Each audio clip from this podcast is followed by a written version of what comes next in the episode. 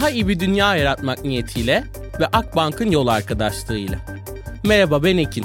Onarım Atölyesi'nin podcast serisine hoş geldiniz.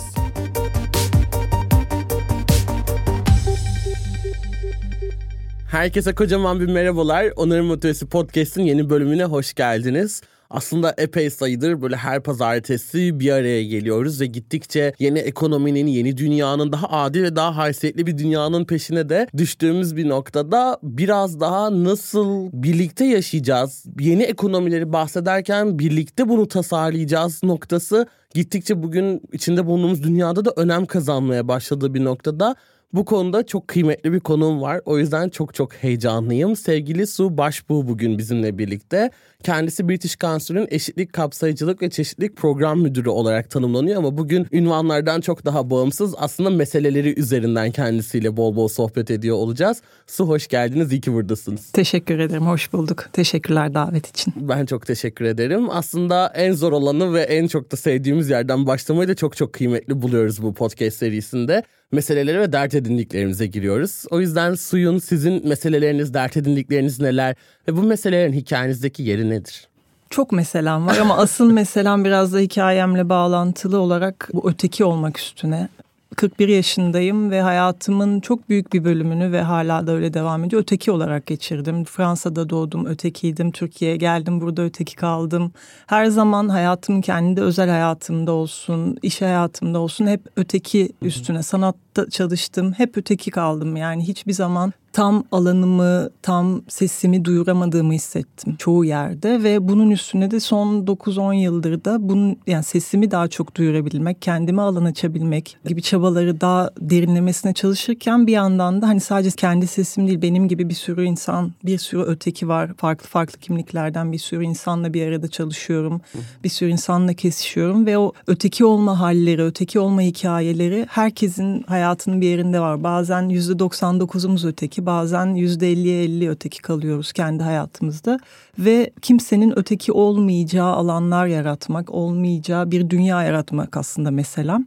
Küçük başladım kendi eksenimde yani kendi dokunabildiğim şeylerde yapmaya çalışıyorum ama etkimi en azından böyle bir kelebek etkisine de inandığım için umarım daha ötekileşmemiş alanlar ve ötekileri barındırabilecek alanlar yaratırız hep birlikte. Çok teşekkür ederim. Aslında sanırım biraz da burada bunu da yaratmaya çalıştığımız bir noktada bu konuyu daha derinlemesine ele almak çok kıymetli. Çünkü şeyi de konuştuk. Bazen bunu bilerek de yapmayabiliyoruz ve istemeden sistemden öğrendiğimiz şekilde bir şeye daha zarar vermeye, kapıları kapatmaya, alan tutmaya bir şekilde devam edebiliyoruz. O yüzden bu konuları da konuşmanın bazen zor olmakla birlikte yine de hepimize de bir aha dedirtme evet, durumu olduğunu da görmek bana çok çok iyi geliyor kesinlikle.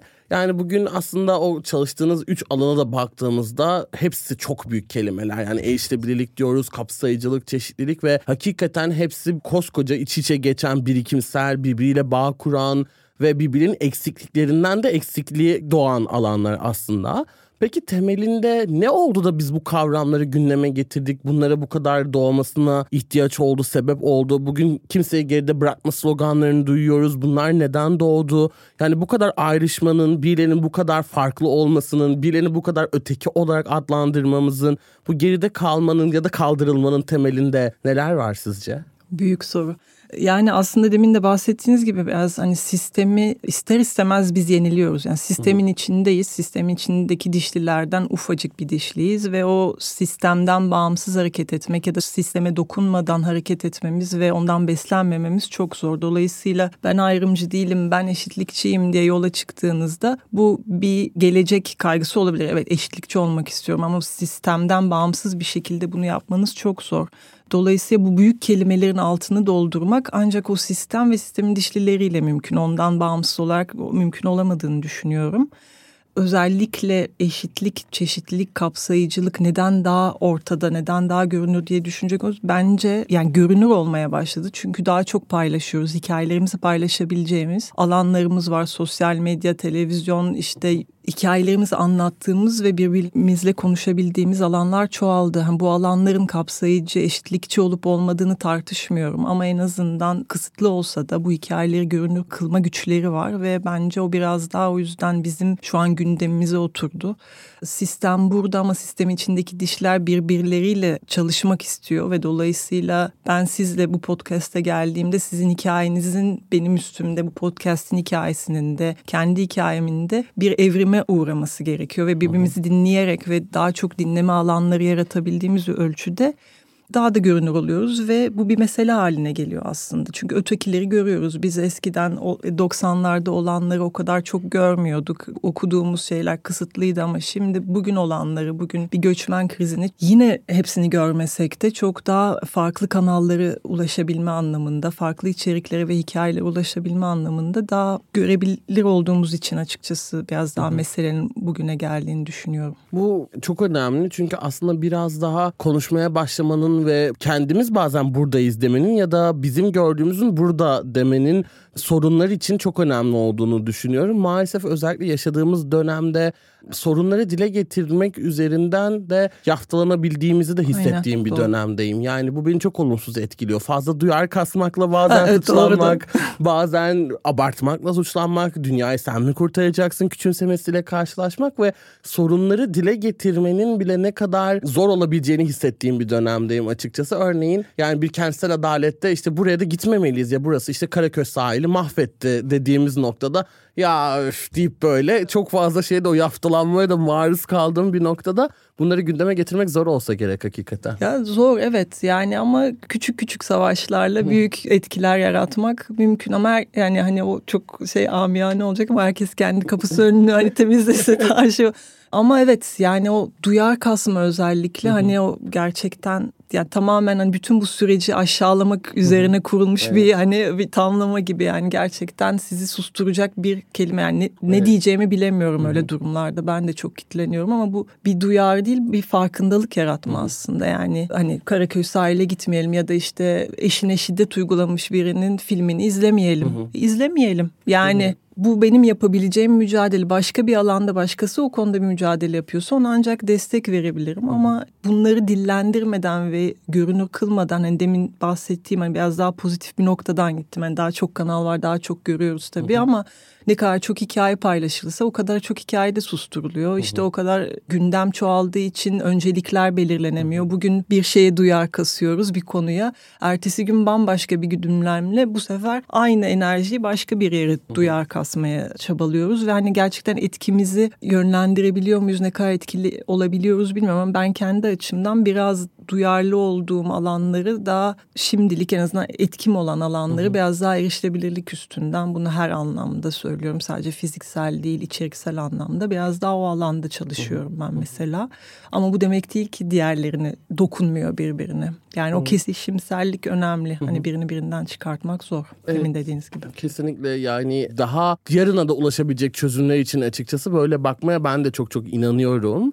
Burada erişilebilirlik dediğiniz noktada erişilebilirliği çok konuşuyoruz. Özellikle İstanbul gibi bir kentte yaşadığınızda bir şekilde amblemlerle, sembollerle, kelimelerle, raporlarla sürekli konuştuğumuz da bir nokta ama gündelik hayat içerisinde yeni yeni artık bir şekliyle en azından literatürümüze almaya başladığımız bu kavramı da çok fiziksel bir erişilebilirlik üzerinden bakıyoruz. Evet. Yani fiziksel olarak bir yerden bir yere gidebilme hali, bir yere girebilme hali olarak gördüğümüz bir noktada aslında bu bir haklar bütünlüğü içermez Tabii. mi erişilebilirlik? Siz bunu nasıl değerlendiriyorsunuz? Nasıl değerlendirmeliyiz? Yani sadece Türkiye'de dünyada da öyle. Yani şu an erişilebilirlik bir rampaya indirgenmiş durumda. Yani hani bir mekanın bir rampası varsa o çok iyi. Harikasınız işte siz erişilebilir bir mekan kılmışsınız. Elbette rampası olacak ama yani erişilebilir tasarım ve planlama ve bu bir bütün hani sonradan eklediğiniz bir rampayla olacak bir şey değil ve benim erişilebilirlikten kastım elbette fiziki erişilebilirlik önemli. Bir binanın yeni tasarlanan binanın özellikle kamu binalarının hani sadece rampa kullanacak insanlar için ne de olsa pusetli ya da işte tekerlekli sandalye kullanıcısı için değil kör bir birey için de nöro çeşitliliği olan bir birey için de erişilebilir olması demek. Bu, bu dolayısıyla tasarıma yedirilmiş olması demek ve hepimizin bireysel olarak o mekanları deneyimleyebilmesi demek. Yani kör birinin yanında kimse olmadan bir kamu binasında, bir üniversite binasında, bir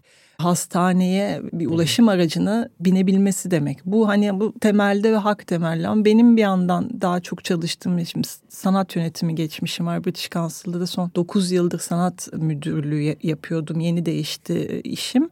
Mekan yani yaptığımız o deneyim yani bir sanat deneyimi bu bir dijital sergi yapıyordum işte festival yapıyorum hibe programı yapıyoruz hepsinin herkes tarafından erişilebilir olması. Yani koyduğunuz formun erişilebilir olması kör bir birey tarafından. Tam bu biraz daha engellilik ya da engellenme üstünden kuruyoruz ama yazdığınız metnin de erişilebilir olması lazım. Büyük kelimeler kullanmak çok güzel, çok havalı duruyor ve yani çok tercih ediyoruz. Ben de kendi eğitimden gelen kelimeler, yani kendi eğitim geçmişim, kendi kültürel sermayemle yazdığım bir metni herkesin benimle aynı şekilde deyimlemesini beklemem erişilebilirliğe karşı. Dolayısıyla yaptığım her şeyde özellikle metinlerle ve dilde genel izleyiciye hitap edecek ve herkesin anlayabileceği, kimsenin kendini öteki hissetmeyeceği. Ben zaten sanattan anlamam ya, ben zaten değil. Ya ben sergi gezmek istemiyorum bugün deyip Hı-hı. gelmemesini üstünden daha ziyade. Hani beni orada kimse istemez ve ben orada ötekiyimden ziyade hakikaten her anlamda fiziki anlamda, içeriksel anlamda ve hissiyat anlamında Hı-hı. erişebilir mekanlar ve deneyimler yaratmak. Çok heyecanlandı bunu az önce hani kayıttan öncesinde konuştuğumuzda dürüst olmak gerekirse erişebilirliğin sadece fiziksel bir şey olmadığını hep düşünen bir haklar bütünlüğüyle ilgili olduğunu düşündüğüm bir noktada içeriksel olarak da erişilebilirliği bu kadar bir haklar bütün içerisinde erişilebilir konusu altına sanırım almamışım. Yani onu biraz da akademiye ya da süslü sanata getirdiğim bir eleştiri gibi böyle yanında tuttuğum bir şey olduğunu fark ettim ama hakikaten çok böyle sergi gezmeyi de kendi açısından seven biri olarak benzer personaların sıklığının orada olma halinin de ne kadar büyük bir erişilebilirlikle ilgili bir problem olduğunu şu an görüyorum açıkçası. Yani bir sanat müzesinin Evet bir gününü ücretsiz yapması da kıymetli bir erişilebilirlik Çok. ama oradaki metinlerin de anlaşılabilir olmasını sağlamanın erişilebilirlik olacağını şu an biraz daha aslında ben de yani öğrendiğim diyeceğim öğrendiğim bir noktadayım ve bu şeyi de hissettiriyor bana ne kadar katmanlı bir konu yani her üstüne gittiğimde her yeni adımda bir noktasını daha açabileceğimle ilgili ve yetersiz hissetmek yerine bu alanda sürekli bir adım daha nasıl yapabilirim sorusunu sormam gerektiğini fark ettim açıkçası. Ya evet ben de özellikle son işte dediğim gibi British Council'da özellikle öyle bir alan yani ana değerlerinden biri British Council'ın kapsayıcılık o yüzden öyle bir alan açan bir kurum o anlamda şanslıyım ama bu soruların cevabını ya da bu çözümlere ya da bu işte içeriklere kendi kendime birden böyle bir sabah uyanıp da aa bak bunu da böyle yapalım Hı. yok müzelerde böyle yani bunu sektör profesyonelleriyle yani kendi erişim ihtiyacı olan insanlarla kimle ulaşmak istiyorsam onları da tasarıma katarak aslında yaptık. Yani kör bir insanın sergimi gezmesini istiyorsam kör bir insanla çalışıp ne ihtiyacı olduğunu, neyin eksik olabileceğini, neyin onu tamamlayacağı ve erişilebilir kılabileceği üstünden hep hedef kitleyle birlikte tasarım yapmak aslında biraz daha erişilebilir kılıyor bizi. Yoksa ben dışarıdan demin dediğim kendi eğitim ve kültürel sermayemle ve engelli olmayan vücudumla yapacağım varsayımlarla hı hı. ki bunları da yaptık bu hataları da yaptım yani hı hı. kişisel olarak kendi varsayımlarımla hı hı. her şeyin erişilebilir olacağını ama çok mutluyum ki hızlıca öğrendim hatamı. Ama tasarıma hedef kitlemi koymadan onun bir tasarımın parçası ve tasarımda bir ses olmadan erişilebilir olmanın imkanı yok. Yani bu deneyimi ben İngiltere'den, Türkiye'den işte burada erişilebilir her şeyle çok çalıştık. İngiltere'de Unlimited'la çok çalıştık vesaire. Yani yaşanmış deneyimleri olan insanlarla tasarlamak gerekiyor onu. O önemli bir detay bence daha iyi bir dünya yaratmak niyetiyle ve Akbank'ın yol arkadaşlığıyla onarım atölyesine kaldığımız yerden devam ediyoruz. Podcast serisinde neredeyse her bölümde bir noktada şeye çıkıyor kapı. Öznenin liderliğine alan açmaya. Gerçekten hani mesela bu onarıcılık, regeneration, adil sistemlerde olduğunda hakikaten bunun ne kadar her alanda bir eksiklik olduğunu görüyorum. Yani belli bir grubun kendinde bunu hak görüp ve devamında bunu üstlenmesiyle beraber işin asıl öznesinin ne kadar birçok alanda unutulduğunu ve kendini geride kalmış hissetmesine sebep olduğunu gördüğüm bir noktada bu da çok önemli. Hakikaten birlikte çalışmak ve tasarlamak hali çok önemli. O yüzden bugün biz ekonomi tasarımlarında çok anlatmaya çalışıyoruz masaya herkese davet etmeliyiz diyoruz. Yani hiçbir ayrım yapmadan mümkünse bir personadan iki tane olmayacak şekilde evet.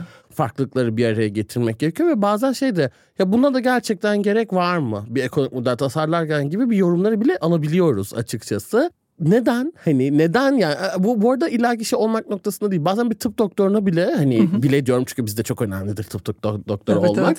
Tıp doktoruna bile diyorlar ki buna gerek var mı ki işte e, tabii ki var. Çünkü bugün sağlık sisteminde yaşadığın sorunların hukuksal ekonomik metinleri en iyi o görüyor büyük ihtimalle vesaire diye. Hakikaten acaba sorusunu sormadan mümkün olduğunca herkesi katmanın erişilebilirlikle ilgili olan ve devamda kapsayıcılıkla ilgili olan hali çok önemli. Yani örneğin ben kilolu bir bireyim hakikaten ve bir çalışma alanındaki uygun eşyaların olması benim için bir hak olarak görüyorum bunu ve bir erişilebilirlik hakkı Öyle. olarak görüyorum. Ama burada bana yöneltilen şey e zaten sen normal dışısın, normalin ötesinde olan birisin. Senin normalize olman gerekiyor. Biz senin için bir şey yapamayacağız hali olduğunda biraz erişilebilirliği de çok doğru anlamadığımızı hissettiğim bir yerdeyim açıkçası. Evet yani çok kesişimsel demin dediğimiz yani erişebilir işte kapsayıcılık eşittir çoğulculuk. Yani aslında o eforu sarf etmeyip tıp doktoruyla konuşmayıp ya da işte bir mekan tasarlarken bir ofis tasarlarken kilolu bir bireyle konuşmayı da onu hazır olmadan ofisi açmak bir gün kilolu biriyle çalışabilirim, zayıf biriyle çalışabilirim, hamile biriyle çalışabilirim, Hı-hı. kör biriyle çalışabilirim. Tahayyülünü yapmadan çalışmaya başlayınca çok kısıtlı bir alandan Hı-hı. bakıyor oluyorsunuz. Yani onu yapmamak aslında uzun vadede zaten araştırmalarda böyle yani kapsayıcı olmayan kurum yani kapsayıcı olan kurumların direkt kendi ekonomilerine, gelişimlerine yüzde yüz katkısı var kapsayıcı olmanın.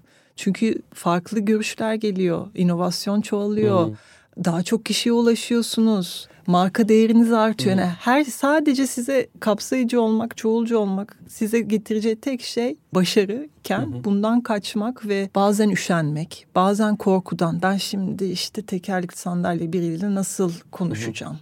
Bilememek ya da işte ama yani yapamayız. Ona şimdi yeni sandalye almak lazım işte kiloluysa. Şimdi o da masraf. Ona da girmeyelim. Hep bir bahane var şey kapsayıcı evet. olmamak için ve o bahaneler çok meşru iki dakikada meşruiyetini hemen kazandırabiliyorsunuz. Kesinlikle. Oysa ki en büyük meşruiyet başarıysa ekonomik ve kurumsal başarı tamamen kapsayıcı olmaktan geçiyor oysa ki. Kesinlikle. Peki biraz daha bu kapsayıcılığa da girmek istediğimizde bir iki bölüm önce Kenan Hoca'yla da burada konuştuğumuzda hani kapsayıcı olan yine erk egemenin gelip hadi ben seni içeri alıyorum izin veriyorum gel bakalım üstencil hani ben sana yılgın hoşgörüne mi kaldım?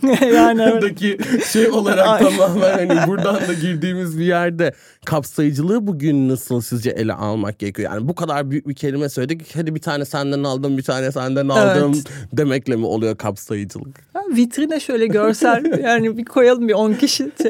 Yani o yüzeysel ve ilk adım kapsayıcılık 101 belki yani kurumların en kolayına kaçan Hı-hı. şey o. Evet şu an çok kolay onu yapmak ve çok da alkış topluyor kurum özellikle Hı-hı. büyük kurumlar. Yani bence o değil kapsamak demek senden başka birine alan açmak demek diye ben tanımlıyorum. Yani alan açmak derken bunu üstencil değil zaten yarattığın alanların herkese açık olması lazım. Ben bir göçmene bir alan açmıyorum. Ben herkes için eşit ve sınırları olmayan bir alan yarattığımda zaten otomatikman herkes gelebilmiş oluyor. Yani benim için kapsayıcılık o. Dolayısıyla tasarımda herkesin olması tekrar o konuya dönersek yani herkesin sözünün olduğu bir alan yaratılırken yani herkesin sözü olursa o zaman zaten ben birine bir tatlılık yapmış olmuyorum. Zaten alanın öyle olması lazım. Yani başka türlü bir alan olmaması lazım. Hı hı. Aslında benim kafamdaki bu alan işe alım olabilir, yaptığınız bina olabilir, etkinlik olabilir. Hani o alanı genişletebiliriz ama zaten bir engeli olmaması lazım kimsenin oraya girerken. Ancak öyle kapsayıcı olursa hem ha, tamam ben engelli bireyler için ya da engellenen bireyler için mükemmel bir alan yaptım. Fiziki olarak mükemmel.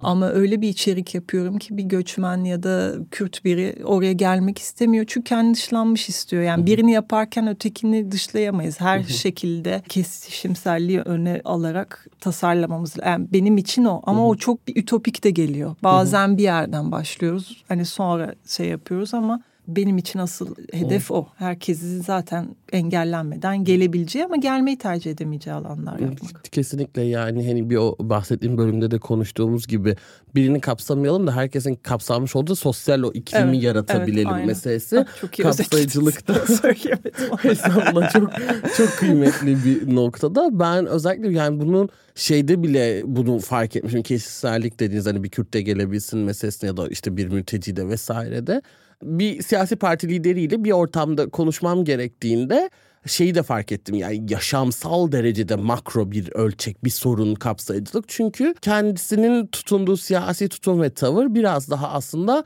tek bir tipe odaklanan, inançlı Türk personasına odaklanan ve bunu açıkça söyledikleri için kullanabildiğim bir noktada bir şey dedim ya sizinle bir persona çizelim ve ne kadar partisine zıt olabileceğini düşündüğüm personlar varsa işin içine katmaya çalıştım. Yani dedim bu kişinin dedim etnik kimliği Türk dışı olsun. Bir şey bile demiyorum bakın Türk dışı bir etnik kimlik olsun. İşte LGBTQ community'nin bir yerinde kendini tanımlasın. İşte vegan olsun, işte feminist olsun. Böyle sayıyorum böyle. Yandı böyle... buralar. ve benim öyle arkadaşlarım var ve onlarla konuştuğumda diyorlar ki ben bu partinin yarattığı bir ülkede herhalde yaşayamam. Ve sizin kapsayamama sorununuz ya da ötekileştirme haliniz birinin yaşam hakkını kadar sorgulamaya gittiği bir konuda ya ne düşünüyorsunuz kapsayıcılıkla ilgili dediğimde hepimiz kardeşize bağlanan bir şey olabiliyor. Ama bunun daha büyük bir ölçüde görülmesi gerekiyor. Çünkü hakikaten yaşamla eşleştirilen bir şey. Yaşayamamaya kadar götürülen bir şey. Ve o geride kalma hissiyatını birçok noktada farklı şekillerde her birimiz yaşarken bunun bir ülkede bir yaşam sistemi içerisinde varlık göstermesi kadar büyük bir şey olduğunu keşfetmek bana biraz ağır gelmişti açıkçası. Evet. Evet.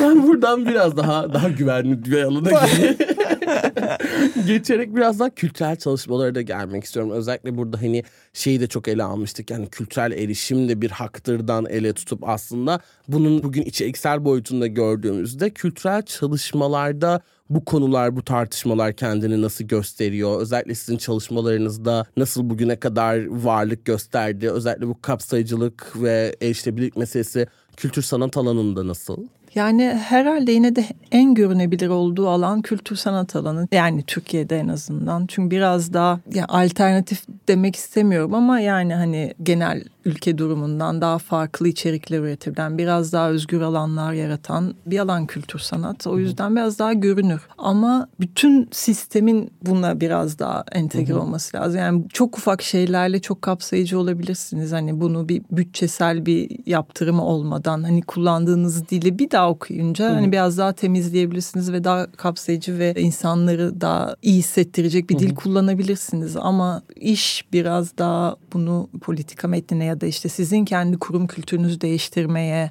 demek oluyor ki çalıştığınız binaları, çalıştığınız partnerleri, hedef kitlenizi falan değiştirmeye ve onu daha kapsayıcı bir hale getirmeye başlayınca bu hem çok büyük bir iş hem bir yandan çok acil bir iş. Yani çok çok acil bir iş. Hemen yapılması gerekiyor. Yani hepimiz için çok acil bir iş ama bir yandan da en acil iş değil. Çünkü şu an çok daha hani sanatçıların kendi görünürlüğünün üstüne çalışırken bir de kapsayıcılık mı geldi? Hani lüks gibi de duruyor ama bir yandan da o olmadan öteki de olmuyor. Yani o ikiliyi tam yani o birbirlerini tamamladıklarını daha tam fark edemedik. Bir yandan da bütçesel de bir yaptırımı var. Yani bir şeye karar verdiğinizde kapsayıcı erişilebilir olmaya karar verdiğinizde daha çok insanla çalışmanız demek oluyor. Çalıştığınız fiziki mekanları değiştirmeniz demek oluyor. O yüzden var yani çok güzel örnekler var. Özellikle yani hani iyi çabalar ve iyi çalışmalar var ama hani daha çok da yapacağımız şey var. Dediğim gibi önceliğimiz değil ve daha da bahsettiğim gibi daha evvel insanların daha çekindiği ve hata yapmaktan da çekindiği bir şey Hı-hı. bence özellikle erişilebilirlik. O yüzden sessiz kalıp hani birileri yapsın ve hemen biz de onu uygulayalım evet. daha kolay oluyor. Hı-hı. Çok iyi anlıyorum ama yani elimizi taşın altına koymadan da olmayacak o iş yani. Tam böyle çok politik ve hiçbir şey söylemeyen bir cevap verdim ama öyle. Çok, çok iyi anlıyorum. Yani özellikle ben de bu eşitlikle ilgili yoksulluk konularında özellikle baktığımda bir dönem böyle şeyi de hissettiğim olmuş. Çok çabuk çıktım neyse ki onun içinden ama yani işte daha biz eşit işi eşit ücreti hala övündüğümüz bir noktadayız. Yani hani kadınla erkek diye ikili cinsiyet sistemi üzerinden gidip bir de hani hakikaten utanmadan biz eşit ücret veriyoruz. Aa yaşasın diye her yere böyle yazdığımız bir dönemdeyken acaba çok mu hayal kuruyorum diye baktığımda ve biraz daha kobilerle çalışmanın daha lokal bölgede daha sanayi odaklı yerlerinde burada aslında bir mavi yaka kötücülü değil aksine oradaki o sermayenin yarattığı noktada hani şey kadınların hala bu kadar bir nesne olduğu bir dönemde acaba çok mu fazla şey istiyorum ya diye düşündüğüm bir nokta olmuştu ama oradan şöyle çıkmıştım. Haklar arasında bir hiyerarşi yok Ekin ve bu bir adım değil yani çekmesi tamam kadını hallettik sıradaki next gelsin gibi değil.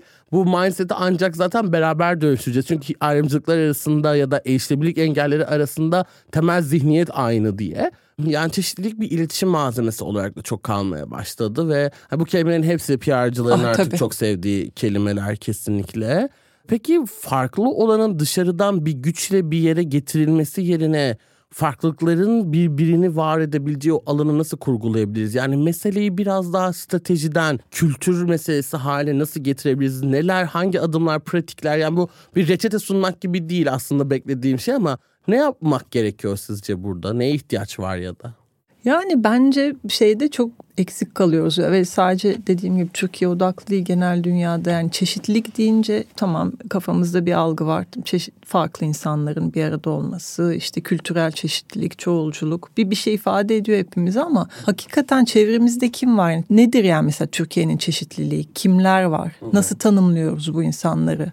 Bu araştırmayı yapmadan biz çeşitli olmak üzere yola çıkıyoruz çoğu yerde. Dediğim gibi yani yurt dışında da gördüğüm bir şey. Sadece Türkiye'yi şey yapmak istemiyorum. Kötülemek bu anlamda. Yani çok kolay bir şey çünkü tam iki üç tane stereotipimiz var kafamızda. Türkiye'de çeşitli ne demek? İşte bir azınlık alabiliriz. Hani tırnak içinde azınlıklar ya da işte bir LGBTİ birey alabiliriz. Tamam hani bu bize bir stereotip veriyor ama hakikaten çeşitli olmak için kurumsal ve kültürel olarak çeşitli bir kuruma dönüşmek ya da çeşitliliği azmetmiş ve onu uygulayan ya da onu benimseyen bir bireye dönüşmek için gerçekten nerede olduğumuzu anlamamız lazım. Onu da ancak ben kendi çözümüm o en azından. Yani okumak vesaire hani tamam onlar hani tarih okumaları vesaire yap ama insanlarla konuşarak yani insanlara sorarak yani yanlış soru tabii ki var ama yani samimi bir ortam ve güven çerçevesinde sorduğunuz hiçbir sorunun hatalı olduğunu düşünmüyorum. Ve hatalarımızdan ve özellikle ön yargılarımızı kırmak için o hataları suratımıza vurulması gerekiyor. Çünkü hepimizin ön yargısı var. Yani ondan kaçan kimse yok. Dolayısıyla benim için en büyük reçete hani dinlemek ve soru sormak, anlamak için gerçekten ben çeşitlilikten yani Türkiye'nin kültürel çeşitliliğinden bahsedince neden bahsettiğimi insanlarla konuşarak yani çevremi genişleterek sağlıyorum. Dolayısıyla kurumların da bunu alan açmaları, daha çok soru sormaları, daha çok insanla tanışmaları ve sadece hani ekonomik değil biraz daha kendi kültürlerini geliştirecek şekilde insanlarla konuşmaları illaki bir işbirliği üstünden değil. Benim için önemli bir şey o. Yapılı bir yani reçetemin benim başında konuşmak ve dinlemek geliyor. Kesinlikle çok önemli. Yani bu noktada özellikle bu meseleyi doğru zeminde ele alma biçimleri ve bazen kendimizi affetmek de burada önemli oluyor. Çünkü bu kadar diğer kastığınız dünyada bazen kendimi çok suçladığım oluyor. Yani özellikle hiç böyle unutmadığım bir görme engeli olan bir bireyle yani yüzde 95 oranında bile aynı toplulukta olduğumda ve benim orada bir nebze bir host etme, bir kolaylaştırma hmm. görevim olduğu yerde ben böyle ekstra özen göstermeye çalıştığımda ki hani şeye kadar hani başkalarında nasıl direktif veriyorsam şunu şöyle yapmalısınız dediğimde onu onun için yapmamanın değil onu onu nasıl yapabileceğini göstermenin yollarını aramak kadar alt kırımlara dikkat ederken bu fazla verdiğim özverinin de onu rahatsız ettiğiyle ilgili bir bildirimi böyle yüzüme hakikaten çarpılarak yedim. Yani kendimi eşya gibi hissediyorum dedi ve o kadar farklı olduğum hissediliyor ki dedi. Bu sadece senin için değil herkes tarafından. Yani şuradan şuraya geç diyorsunuz. Biri hemen benim koluma girip beni oraya götürüyor. Bir çanta gibi beni oraya bırakıyorsunuz. Biliyorum hiçbiriniz bunu kötü niyetle yapmıyorsunuz. İşte doğanın içindeyiz. Düşebilirim, görmüyorum. Hani bir şey gelebilir başıma.